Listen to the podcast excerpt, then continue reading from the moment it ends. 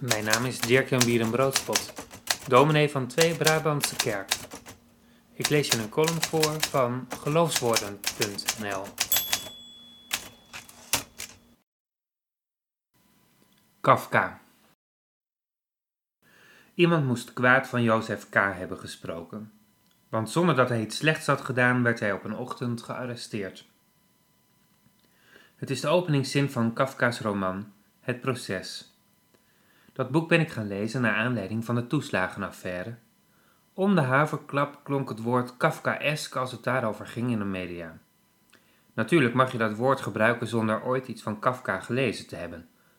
Maar ik voelde me daar toch min of meer schuldig om, of in elk geval ongemakkelijk bij. Ik besloot mijn leven te beteren en dat heb ik ook gedaan. Die laatste toevoeging is niet voor niets. Ik besluit namelijk wel vaker dingen die ik dan vervolgens toch niet doe. Al heb ik daar meestal wel heel goede excuses voor. Wat overigens ook heel vaak gebeurt is dat ik ergens een aanleiding in zie, in actie kom en dan volledig afgeleid word door andere zaken. Met Kafka overkwam me dat. Ik wilde met Kafka in de hand heel verstandige zaken gaan zeggen en schrijven over de toeslagenaffaire. En dat alles natuurlijk vanuit levensbeschouwelijk perspectief. Maar voordat het daar ooit van komt, als het er al ooit van komt, zal ik me denk ik toch eerst moeten gaan verdiepen in de hele toeslagenaffaire.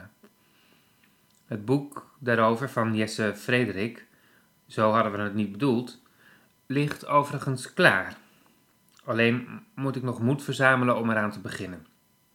Maar goed, ik raak alweer afgeleid. Wat ik kwijt wilde was dit. Bij het lezen van het proces kwam steeds het woord erfzonde bij me naar boven.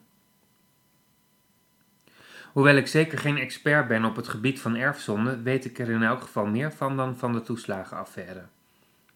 Bovendien vind ik het begin van de 40 dagen tijd wel een mooi moment om daar even bij stil te staan. Overigens is het mijn associatie. Ik denk niet dat we daar de Joodse schrijver Kafka verantwoordelijk voor mogen houden. Veel mensen denken dat het grote verschil tussen kerk en synagoge de komst van de Messias betreft. Ik denk zelf veel meer dat de verwachting van wat de Messias komt doen het grote verschil is. Ik ga even kort en scherp door de bocht. De kerk heeft de erfzondeleer omarmd. De Messias komt ons daar uiteindelijk van bevrijden. De synagoge kent geen erfzondeleer, maar verwacht de Messias die een rijk van vrede en gerechtigheid zal vestigen. Dat schuurt natuurlijk dicht tegen elkaar aan, maar de verschillen zijn vaak heel wezenlijk. De kerk zet vaak in met gedachten die verdraaid veel lijken op de eerste zin van de roman Het proces. Zonder dat je je ook maar bewust bent van enig kwaad, ben je schuldig. De erfzonde zorgt daar nu eenmaal voor. Hoeveel ouders hebben hun kind niet ten doop gedragen om die zonde af te wassen? Want zondig betekent ook nog eens dat je het niet waard bent om de hemel binnen te gaan. Er zijn momenten dat ik het meer eens ben met atheïsten dan vrome gelovigen als het gaat op dit punt. Als ik me ergens voor schaam, is het voor de kerk die op de stoel van de hoogste rechter is gaan zitten. Het onderwerp van de rechters bij Kafka laat ik even liggen, maar het is vreselijk.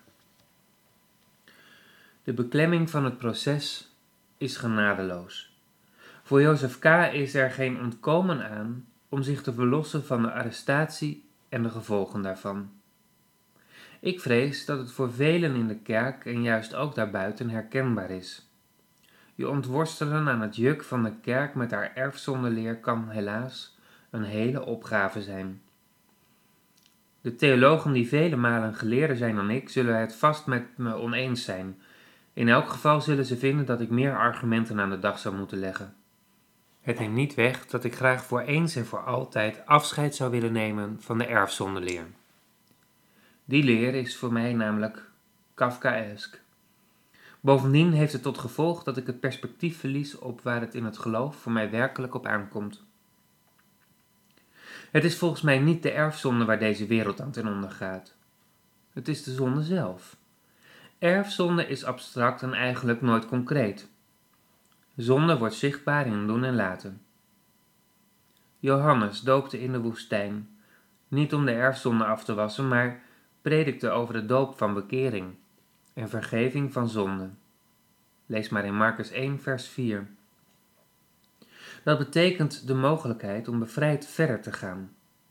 Bevrijd van je eigen verleden is er de gelegenheid om opnieuw te beginnen. Zonde betekent hier volgens mij eerst en vooral dat de levensregels die tot bevrijding zullen leiden, gebroken zijn. Het verbond tussen de bevrijdende Heer en het volk Israël vraagt daarom om herstel. Dat is een aanklacht die anders dan bij Kafka en de erfzonde concreet aan te wijzen is.